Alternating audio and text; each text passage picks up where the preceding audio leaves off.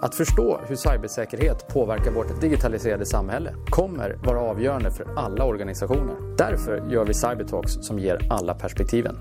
Jag heter Rolf Rosenvinge. Välkommen! In today's Cybertalks episode, Rolf sits down with Doug Clare from FICO. He's based in San Diego, US, and in the conversation, Rolf and Doug talks about cyber risk modeling and quantification works but also how organizations can increase value added by fusion of cyber, anti-money laundering, and know your customers' efforts. Hello and uh, welcome to another episode of our Cyber Talk series. Um, super excited uh, for the, for this episode today. We have Doug Clare from FICO with us. Uh, he's uh, based in San Diego, and uh, I guess gotten up really early this morning to join us. So, uh, uh, welcome, Doug. Thank you. I appreciate being here. So, um, really looking forward to this uh, conversation. Um, we've done many, many different episodes on cyber talks, and I've basically always wanted to have an episode on the topic of cyber risk quantification because it's it's typically a a subject that sooner or later comes uh, comes up in most conversation with executive management or boards, etc. And um, super excited to have a conversation here with you today on that topic and some adjacent topics as well, of course. But um, maybe first a, a, quick introduction to you, Doug. Uh, you work for FICO. Yeah, I work for FICO. I've been with FICO for um, a long time now. Sometimes uh, you know, longer than I like to admit because it's been a, a, a, super long career from here. I've been here more than 30 years. I've worn a lot of different hats at FICO um, over that time I've been here. Uh, but for the last 15 years or so, I've been involved in our uh, fraud, security, and compliance product lines at FICO in some capacity or another. And uh, today I lead that group for FICO. So um, we have a, um, a, a lot of customers actually that utilize our software for uh, you know, detecting, monitoring, managing fraud, um, maintaining compliance with things like AML and KYC, and um, and uh, also more recently, uh, last few years, cyber risk quantification as well been an area that we've made some um, significant investments in. I think collectively worldwide we have uh, well over 9,000 uh, financial institutions and other companies who use our software for one or more of those kind of three major um, buckets of functionality. Fraud detection management compliance with um, with uh, some of the financial services regulatory regimes and then cyber risk. Cool. So and and um, and just you know give you sh- share us a, a little bit of insight also on you. What's your background and how did you end up you know managing this team and why why why was that a cool role for you yeah, um, as I said a minute ago, right, I've been with FICO for uh, for a long time. I worked for a number of years in our um, in in more of our credit risk, um, you know, functions at FICO. Which I think most people, when they think of FICO, they think of um, they think of credit and credit risk. We we do a lot of work, obviously, in financial services, and in the U.S. market in particular, um, we're very well known for the FICO score consumers know about their FICO score. It's their credit risk score that lenders use to help make underwriting and credit pricing decisions. Uh, so, so people know about that. But I was uh, I worked with um, our you know our our clients in lending for a long time. I uh, had product management responsibilities for um, certain of FICO's credit risk products. Um, and at one point in the in the in my history at FICO, um, I, uh, I took on a partner development role um, in the sales organization to uh, to drive um, our alliances and distribution partnerships for those products, and it kind of spilled into our fraud detection stuff as well, um, because they're common clients across credit risk and fraud risk. And uh, I developed a passion for it. I really uh, enjoyed working on the fraud products. Um, uh, you know, when when you become a fraud fighter, you adopt a mission. Um, it, it it feels like the right thing to do, and you get excited about it and passionate about it. And you know, fighting fraud, fighting crime, um, uh, working uh, with with clients to achieve those kinds of goals got got to be really exciting for me. So um, a, an opportunity came up uh, with respect to our fraud product set um, about 12 years ago now, I suppose. I um, I took that on uh, for FICO, um, uh, and uh, and now my remit has expanded to not just fraud but compliance and the in the cyber stuff as well. So uh, that's really how I how I came here. Excellent. So, so I think we, we kind of established the fact that you know a lot of stuff about data sets, scoring algorithms, and analysis, which I think is a great fundament for, for this conversation. Um, but so maybe the place to start is, you know, coming from, you know, the background of fraud detection and pay, payment transaction monitoring and stuff like that. You know, I how how does that how does that fit into a wider view on where we're heading in terms of financial crime? And, and maybe the place to start is actually to give us a quick overview. But what what are the kind of the trends you're seeing? Is this still an increasing risk as you see it? I guess it is, right? But in, in which areas in particular, and how how do you see the intersection between you know financial crime and cyber, and and how does this these pieces kind of fit together in in your view? Yeah, um, sure. It, it it really is at some level, right? All all part of the same uh, the the same problem. Um, I think you know, particularly when you talk about um, fraud and and and financial crime and the relation to to cyber security, cyber risk. Um, a, a, lot of today's fraud um, and and financial crimes um, you know they have they have their roots in data breaches and in um, you know cyber incidents um, the way criminals perpetrate fraud i mean you know in, in the old days they'd you know steal somebody's physical credit card and you know run off with it or make a make a copy of it or you know somehow there was some kind of kinetic involvement um, that had to do with the physical plastic being exploited somehow. And uh, you know while that still happens once in a while um, the the the real mode for um, for fraudsters and people perpetrating financial crime in many instances, right, if not most instances, is some sort of um, cyber theft, right? Uh, getting access to data, getting into systems, um, finding uh, some bits of information about the consumer, the consumer account, or the business, the business account, um, and then uh, creating ways to exploit that. Um, today's cyber problems are tomorrow's fraud problems, and we see that um, on a regular basis. A lot of the emphasis that FICO has put on fraud detection in the last few years, in terms of a lot of our R and D, has been to um, create tighter connections and better detection algorithms to actually, um, you know, look at things from a mass compromise perspective a lot of the fraud analytics that FICO um, has developed over the years um, have to do with looking at activity within an individual account, right? Look at the account, determine whether the behavior is anomalous. Um, if it is, it's a higher risk for fraud. So, you know, increase the monitoring and determine whether or not that aberrant behavior is indicative of fraud or not.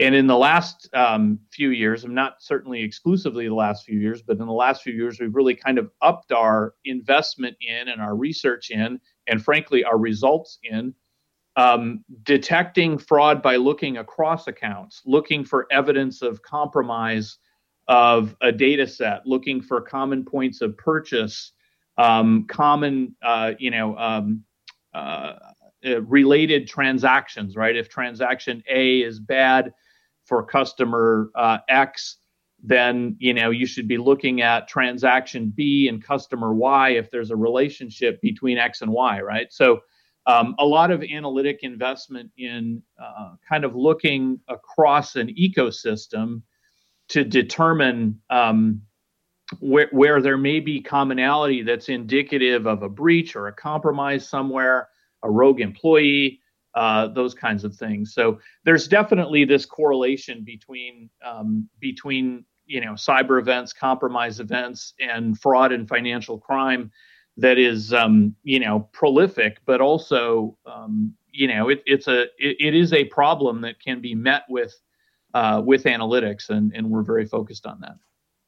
Yeah, no, and, and uh, I think that's that's really cool, and I think we will have a chance to get back to kind of the fusion piece of this because I think at the end of the day, I think that's probably the most important part of these conversations is how how can we actually fit these pieces together and and by using for example cyber threat intelligence and understand what's out there in the wild how can that help inform and and you know learn some of the algorithms what types of behaviors or data points to look for. But but but let's let's get there in just a sec. So um, um you know some of our listeners may not be you know that steeped in financial services uh, oversight functions daily type of work. But but if we summarize it like this and say you know some years ago there was a big push i guess across financial services across the globe on AML and KYC. And for those that may not are totally familiar with those terms, maybe maybe we should also just start there. What is it, and and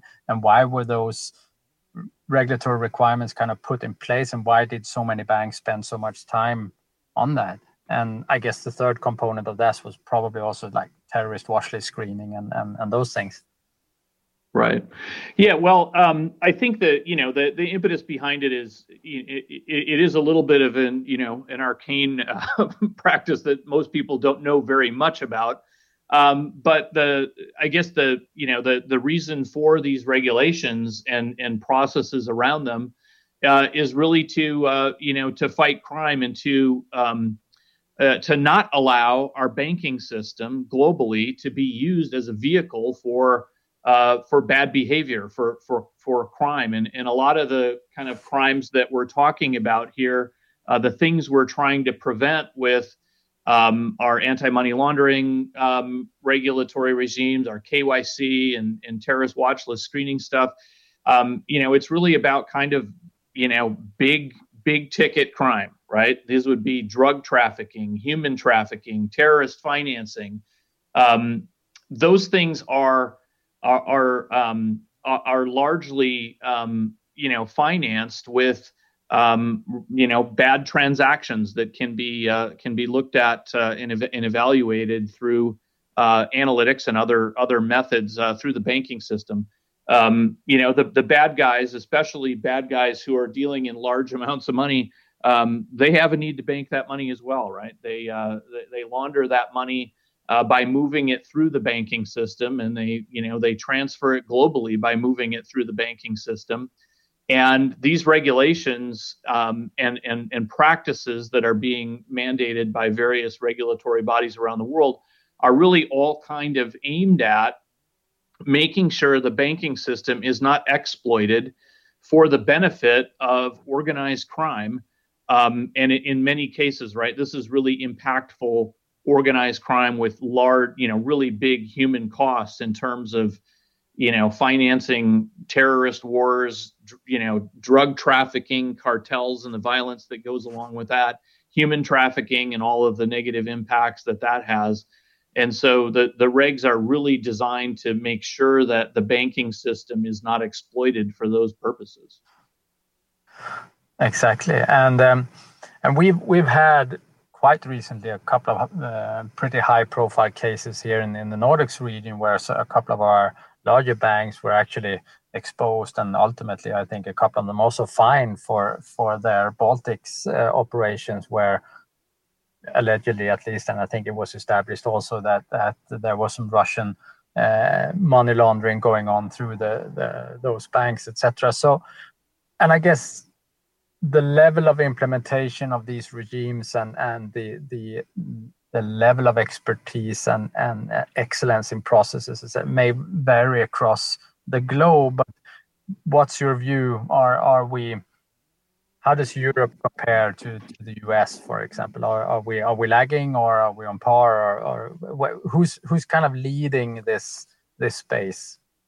At the yeah, moment? I um you know, I, I think that um, uh, it, it's hard to say who's, who's leading and lagging. Maybe be, as between U.S. and Europe, I would probably characterize the the, the U.S. as, as leading a bit and trying to drive um, higher levels of compliance and higher levels of um, you know scrutiny against this. But on the other hand, um, Europe has imposed a lot of significant fines on banks that have had had issues. So I don't want to characterize um, that as uh, being in- insignificant or inconsequential. I think it's pretty consequential. Um, I would say that other areas in the world maybe um, maybe more lax. I think there's um, y- you know in, in, most in most places there's there there are um, you know regimes that have to be followed. Um, they are meaningful. Um, the level of enforcement and scrutiny can vary quite a bit, as can the level of you know financial penalties that you you might be um, exposed to if you fall on the on the wrong side of them.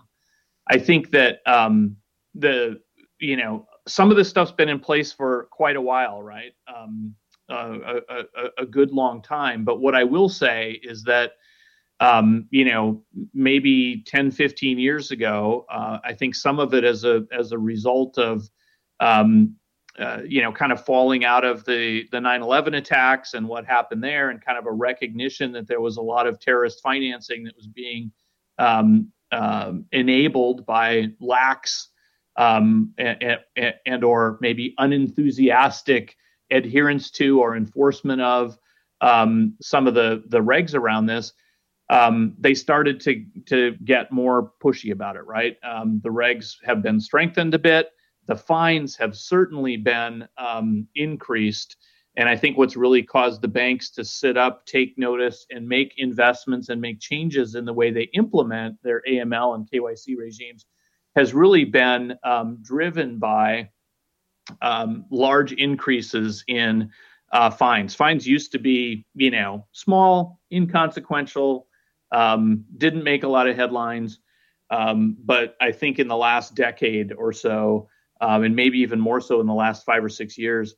Fines have gotten larger. You know, the press around um, large um, those large fines has become much more aggressive, and they're they're meaningful now, right? They can really hurt, and so um, I think banks in in you know, especially in U, in the U.S. and in in, in Europe, um, have started to take all of this a lot more seriously and put put more into it. I, I also think I'll, I'll, expand on it w- one more bit here.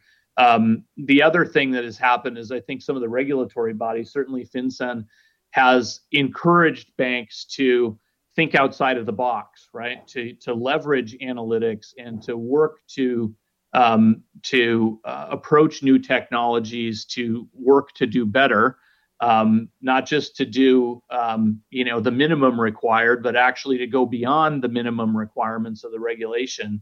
And I, I think that's a good thing, right? Banks should banks should um, should look for opportunities to um, really stem this stuff and um, going a, a, a bit you know beyond what the minimum regulatory requirements are to actually go at the root of the the spirit of these regulations uh, is something that we see as a good thing. Yeah, absolutely, and, and I think a couple of points here. I think you, you, you know it is a global problem. So I guess at, at the end of the day, to be truly effective, right, we you know we need to approach this problem as a global problem and and, and really try to uh, to solve it across the board. Um, I also think it's um, so, so maybe the next question. So I think this this has, of course, because of the nature of the financial services and especially the banks, right, with the trans all the number of transac- transactions, you can kind of you can fit it together as a data and, and an uh, analytics um, piece to solve. But um, and of course, much of the the development has been kind of driven by by regulatory requirements, etc. But are there other industries coming up now where they are starting to implement implement this stuff and these regimes or where would you see kind of the next e-commerce maybe? Or, or who would else benefit from from implementing these oversight mechanisms? Yeah well i i, I certainly think that um, there's uh, I guess any any business that is involved in um, international transactions in particular, um, y- you know, should be interested in this. And you know, the the the AML regulations, while you know they're AML and other compliance regulations, are absolutely you know aimed at the banks and are about banking and, and money flows. Um, you know, it isn't just banks who are involved in banking transactions, right? Every no, every that, that's my point, right? Yeah. yeah, it, involves uh, it involves an entity. Um, that entity could be an individual. It could also be a company. Um, and uh, I'll just you know I'll, I'll give a I'll give an example. Right, if you're an organization, let's say you sell. Uh, you're a manufacturer of uh, of um, trucks, right? You you you build and sell trucks. Um, trucks are high ticket items. They cost thousands of dollars. You might take an order from somebody for a, a hundred trucks or a thousand trucks uh, that's an opportunity to launder money, right? Um, somebody who needs to launder a, you know millions of dollars could put in an order for dozens of trucks, have them shipped somewhere, and then sell them, and then the money is laundered, right? And so um, we've certainly seen a lot of organizations that are you know manufacturers or other kind of non-banking companies um, implement protections to keep them on the right side of regs uh, around you know KYC, KYV, know your customer, know your vendor, um, to make sure that they know who they're doing business with, that they've done the proper checks, and that um, the transactions that they're enabling to flow through their company are legitimate and not part of uh, uh, not part of an effort to uh, to launder money. Exactly. No, good point. Um, so maybe maybe moving on a little bit and then I, I think I met a lot of boards. I, let, I met a lot of executive management teams, of course, being concerned by these things. But another thing, of course, is is the, the wider cyber risk piece. And there's always been this conversation, right? So, okay, what does cyber mean for us, and can we, in any way, shape, or format, quantify the risk exposure for us so we know to which extent we need to build our own program and take direct cost, or to which extent we need to take up insurance to to cover our exposure, etc. But there's always been this, you know, ob- obvious difficulty of quantifying your cyber risk exposure, and I would imagine uh, that, you know, you guys have some thinking. Uh, in, in in these terms coming from the background of doing you know advanced analytics on large data sets, kind of predicting and and and defining exposures, etc. Is that right? Mm-hmm. Yeah, that's right. Uh, uh, this is an area that um, we became interested in, you know, probably seven or eight years ago now. Um, it, it, started at FICO as a project to, you know, see if we could um, utilize analytics to detect network intrusion, looking at um, you know, flow information, packet information from within a network. Um, and we had some success with that. We didn't really commercialize it, but we did have some success with it. But we, in, in working on that, we started asking ourselves questions about whether we could kind of quantify the risk at a at a you know not at a you know endpoint level or at a server level, but really look at it from an enterprise level and and can could we quantify that breach risk uh, at, at, an enterprise level. And um, we quickly came to the conclusion that that was a tractable problem from an analytics perspective. Um, it's it's a difficult problem, but it, it's something that that um, that works. We've proven that it that it works. And um, you know, without getting into too much detail, what what we do, we build a, a supervised analytic to do this, meaning we train it on actual um, you know tagged information about uh, breached organization and non-breached organizations. Um, in in much of the world, certainly in the U.S. and in, in now in in Europe as well, um, organizations have a, an obligation to report breaches. Um, and so, uh, and, and, sometimes they're reported anyway because they become known and they hit the press and all that. Um, but what we do is we take the corpus of known significant breach events um, and we look at the characteristics of those organizations that can be observed from the outside. Um, we do that by looking at, um, you know, published compromise information from some of the uh, the the, the uh, some of the kind of watch list kind of uh, things that are that are published. They're publicly available. We do our own scanning, um, so we we look at um, information about what's exposed to the internet. These are things that anybody can see from the from the outside uh, uh, looking looking in. Um, we also take information that we can gather from uh, organizations' exposed internet services. What does the organization push out to the internet? What's exposed? We look at their websites, how they're built, and all that. Um, not all of those signals that we can see are necessarily uh, causal from a breach perspective, but they can all, well, they at least the ones we're looking at, right? They can all be correlated uh, with the likelihood of a breach incident. So when we we look at these signals around, you know, how is the network configured? Are there known misconfigurations that can be viewed from the outside? How is the website built? Which tools are used to build it? How frequently is it refreshed and updated? Um, are is there evidence of compromise you know malware signals emanating from a network you know spam emanating from a network? When you look at all of those signals um, that are observable from the outside no no intrusion necessary no participation by the the, the evaluated entity necessary when you look at those signals and you um, you start to see very significant differences between what those signals look like for breached organizations and what they look like for organizations that have not suffered a breach. There are strong, significant statistical uh, differences there. And it's enabled us to build a score um, that does a very good job separating risk, um, risky companies from non-risky companies, and uh, that that's really that's uh, really what it's about.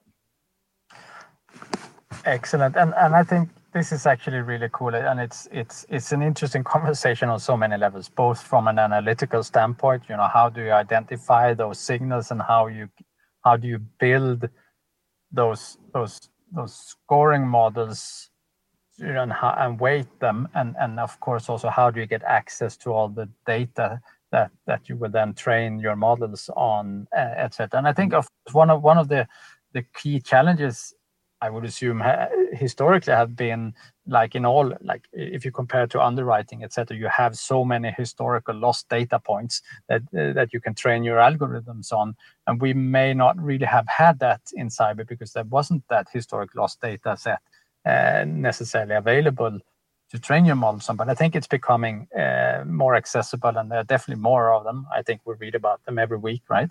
Um, yeah, yeah. So I mean, it, it, it's fascinating how you can, yeah, how you yeah. can fit those together, and and and as as you talked about, really, you know, get that. Yeah, the, the tag the tag data has that. been a challenge, right? And and I think that this likely would not have been a tractable problem, you know, seven or eight years ago because there wasn't enough information out there about breaches, right? That there was, you know, the ones that you could confirm and, and really know about what you could kind of count on your hands probably, and it's not enough to build a model from, right? It's not generalizable.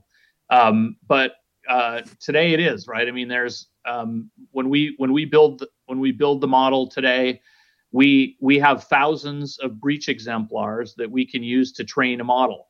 Um, we wish we had tens of thousands. We don't have that many because we're pretty, you know, pretty critical about what we what we use. We want to make sure, you know, it's a confirmed breach. We know when it happened, um, and we we know that it was significant, and we know that it was acknowledged by uh, the victim, so we know it's legit. But um, there there are thousands of those and thousands is enough to build a pretty robust model against the you know against the signal data that we're able to collect.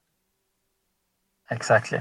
And then i think the next interesting part of this is and you mentioned that briefly was like that you're actually able to model on this just purely from an outside in view. So you, you don't need to get in and get access, and uh, but you can do that from an outside in perspective, right?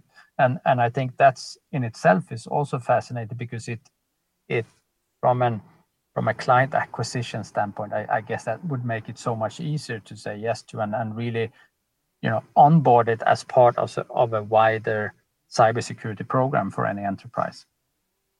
Yeah, that that that is that is true, right? And um, you know, we're we're not going to say that there there wouldn't be other data that would be interesting to look at, right? If if you were able to get other signals from within an organization, um, those could be even more predictive. But of course, the challenge in building a model that generalizes is getting consistent data across uh, across um, you know a large number of entities. But we are able to get consistent data by things that we can collect ourselves, right? Looking at the network that's exposed to the internet for any given organization, um, and you know looking at other uh, signals, you know their websites and the other things I, I mentioned a minute ago. Um, those are pretty consistently, um, you know, uh, attainable, and by creating that, you know, by building a model on what is consistently attainable, um, we can do a, a, really good job. We get good separation in the model. Uh, we call that a dynamic range, which is um, uh, the dynamic range is essentially how the odds of the outcome, in this case, the breach outcome, uh, how the odds distribute across the score band. And we have about a 30x uh, dynamic range, which means that an organization with the worst score is about 30 times as likely to suffer a breach event in the next 12 months as an organization with the best score, the lowest risk. So that's a pretty strong separation of risk across the across the score band and uh, we we feel pretty good. I mean, when we're always trying to make it better, looking for new signal sources. Um, but it's a hmm. it's a useful it's it's a strong performance. I think it's a very useful performance for organizations to kind of look at themselves, uh, look at their supply chain. A lot of the clients that we have for this uh, score utilize it to assess supply chain risk uh, looking at vendors, using that as a criteria for um, vendor vendor evaluation when they're onboarding new vendors or when they're just talking to suppliers about how they could do better. And then, of course, insurance underwriting is a, is the is another big one that we sell into. Absolutely, but but I, I see benefits also for from a CISO perspective, right? Because there's always this there, there's always in in most large enterprises there's always this ongoing debate. So okay are we investing enough? Are we getting value for money? Are we effective in our in our cyber programs etc and and i guess based on this you, you would actually get the risk score and that risk score you can actually compare to others. So you would you would also understand your benchmark and where you're at. And i guess if you do this over time you can also see that when you when you actually uh, implement X, Y, and Z uh, set of actions that will also influence the score, uh, I would assume, right? Yeah, no, absolutely. Um, those are all, I think, very um, legitimate. You know, we we have um, CISOs who are buyers to, you know, understand and quantify the risk and use that to communicate to the management team we have non CISO managers who are interested buyers to kind of evaluate how well the CISO is doing. We have board level buyers who are interested in kind of looking at it to uh, understand if you know if if the if the company's management, including the CISO, is you know are they doing a good job? Are we kind of are we doing the right things as a as a board to stay informed of risk? Um, those are all um, those are all uh, things that we hear and address on a regular basis. We also supply with the score, right? Um, kind of uh, at least you know from an organizational level, not only the raw signal, but kind of some of the summarized stats about why the score is what it is. Um, what what kind of behaviors or conditions are we seeing that impact the score, and that provides an opportunity for organizations to go focus on those areas. Um, and and do better right um, so yeah. like there's value in all that um, and because I think that in itself is a super interesting conversation because I, I, you know I get into those type of conversation more or less on a weekly basis, right? Are, are we getting value mm-hmm. from? We've we've upped our investment significantly over the two three years. A client might say, uh, and so, but are we really are we really being effective? Are we, are we are we doing the right things compared to where you know actual breaches do occur and and and and, and how, how are they affecting others and how do we compare? So I think this is this is potentially as as super interesting and significant um, opportunity to really benchmark and and and tell whether your security organization is is doing great or not. And and I think that would be a great learning opportunity for for for basically most security teams. But um, moving on, and uh, time flies. Is I, I, want to be able to cover a couple more things. So we initially in the conversation we also talked about some of the recent trends, and we we briefly touched upon fusion.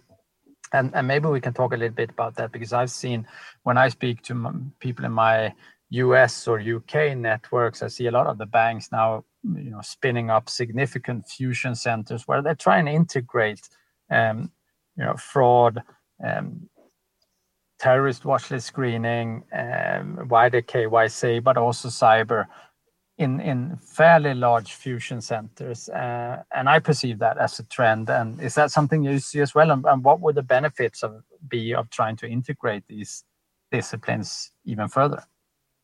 Yeah, I, we certainly see it as a trend as well. Um, we don't see everybody doing it, but we see increasing numbers of of, of organizations um, e- either kind of building that fusion center and and consolidating at some level the management of uh, those different functions under common leaders.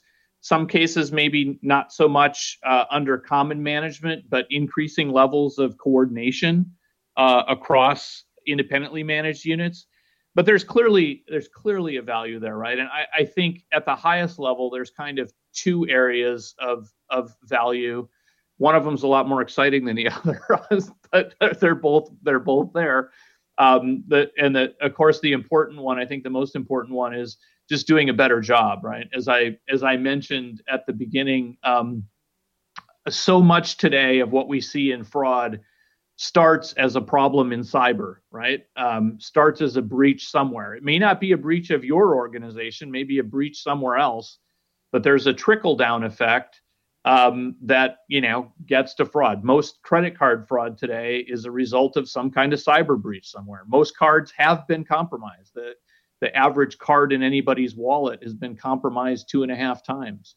Doesn't mean that that's going to result in fraud um, but when a when a given um, you know compromise event or breach event starts to result in fraud, usually it kind of flows through uh, the the uh, the the exposed uh, accounts, and being able to recognize when that happens, being able to say, I see this account has a fraud problem.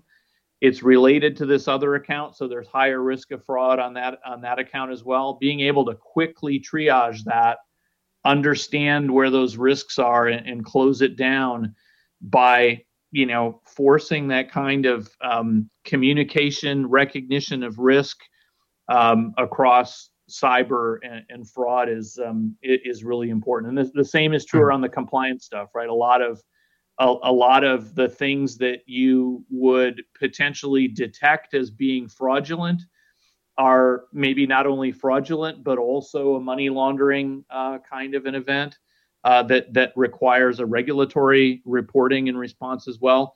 Um, those are the exciting reasons, right? Being able to yeah. do those things better, get on it more quickly, shut it down more quickly.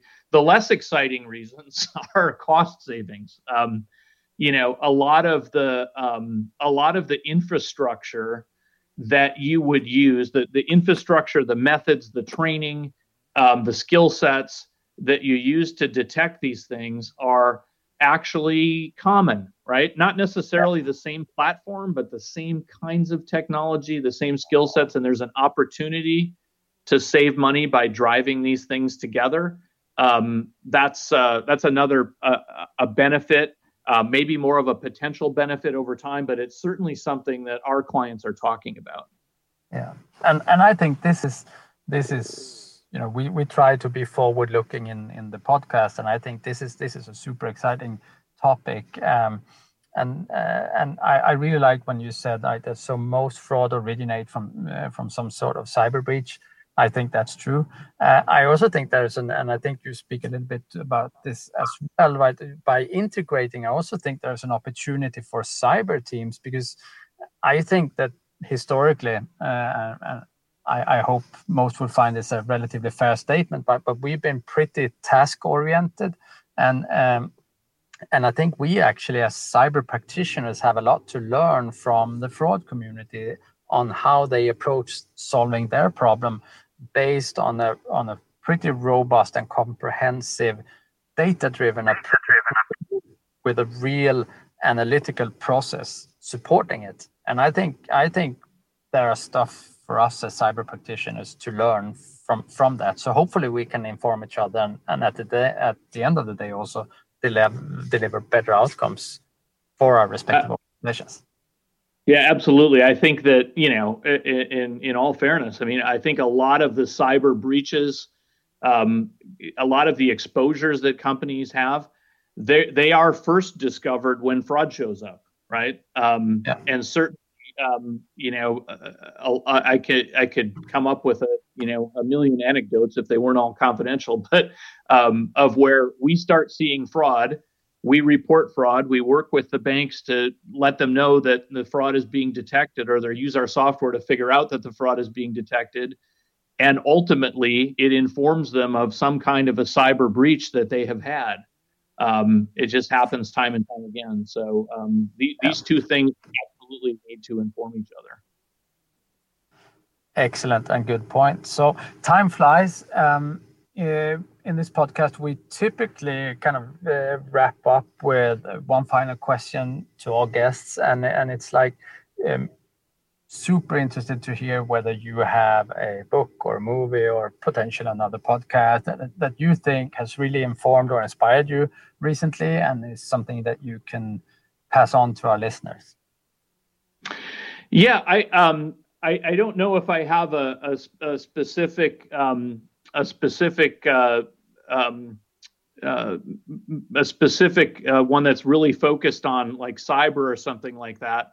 Um, but there, has been a, um, a, a number of movies um, that have come out, and I'm apologize. I'm having a, a, a, bit of a brain cramp right now. But the the one with uh, Leonardo DiCaprio, um, uh, where he was, uh, y- you know, involved in being the, you know, the airline pilot, the doctor, the lawyer, and all that, and and, and kited all those checks uh, yeah. so many years ago. Um, uh, that can. one. Yeah, that's the one. Thank you yeah. for fixing that for me. Yeah, catch me if you can. Um, uh, that that was a I, I think a really um, interesting movie. I mean, ultimately he was caught. He did his time and all that, and he now is a fraud fighter. Right? He uh, he works with organizations to make them aware of uh, of um, uh, of how things can be compromised, how easily things can be compromised. But I think that was a, a great example of um, just maybe how easy it is for people to be fooled um, and for uh, somebody to get away with something for a long period of time. Um, and, and, I think is a it, it's a good lesson, right? Even though it's an old story now, uh, I think it's a good a good lesson and still has a lot of relevance. It does, it does absolutely, and and very very very close to this subject and actually also a, a very entertaining movie. So, so great tip. So, yeah, uh, thank you. No, uh, thank you. And I think we will try and wrap this, uh, Doug. It's been a pleasure having you on. I think we uh, there are so much more really to discuss on on this topic. I, I really like the to to to talk through the the um, how these different disciplines actually can be fitted together and ultimately also talk about cyber risk quantification. I think we've we've had the opportunity to, to get some great insights here from you. So uh, Doug Clare from FICO joining us from San Diego. Thank you for for being on the podcast. Thanks for having me. And to all the listeners, until next time. Podden är ett samarbete mellan Cyber Insights och Orange Cyber Defense och spelas in och klipps på Media.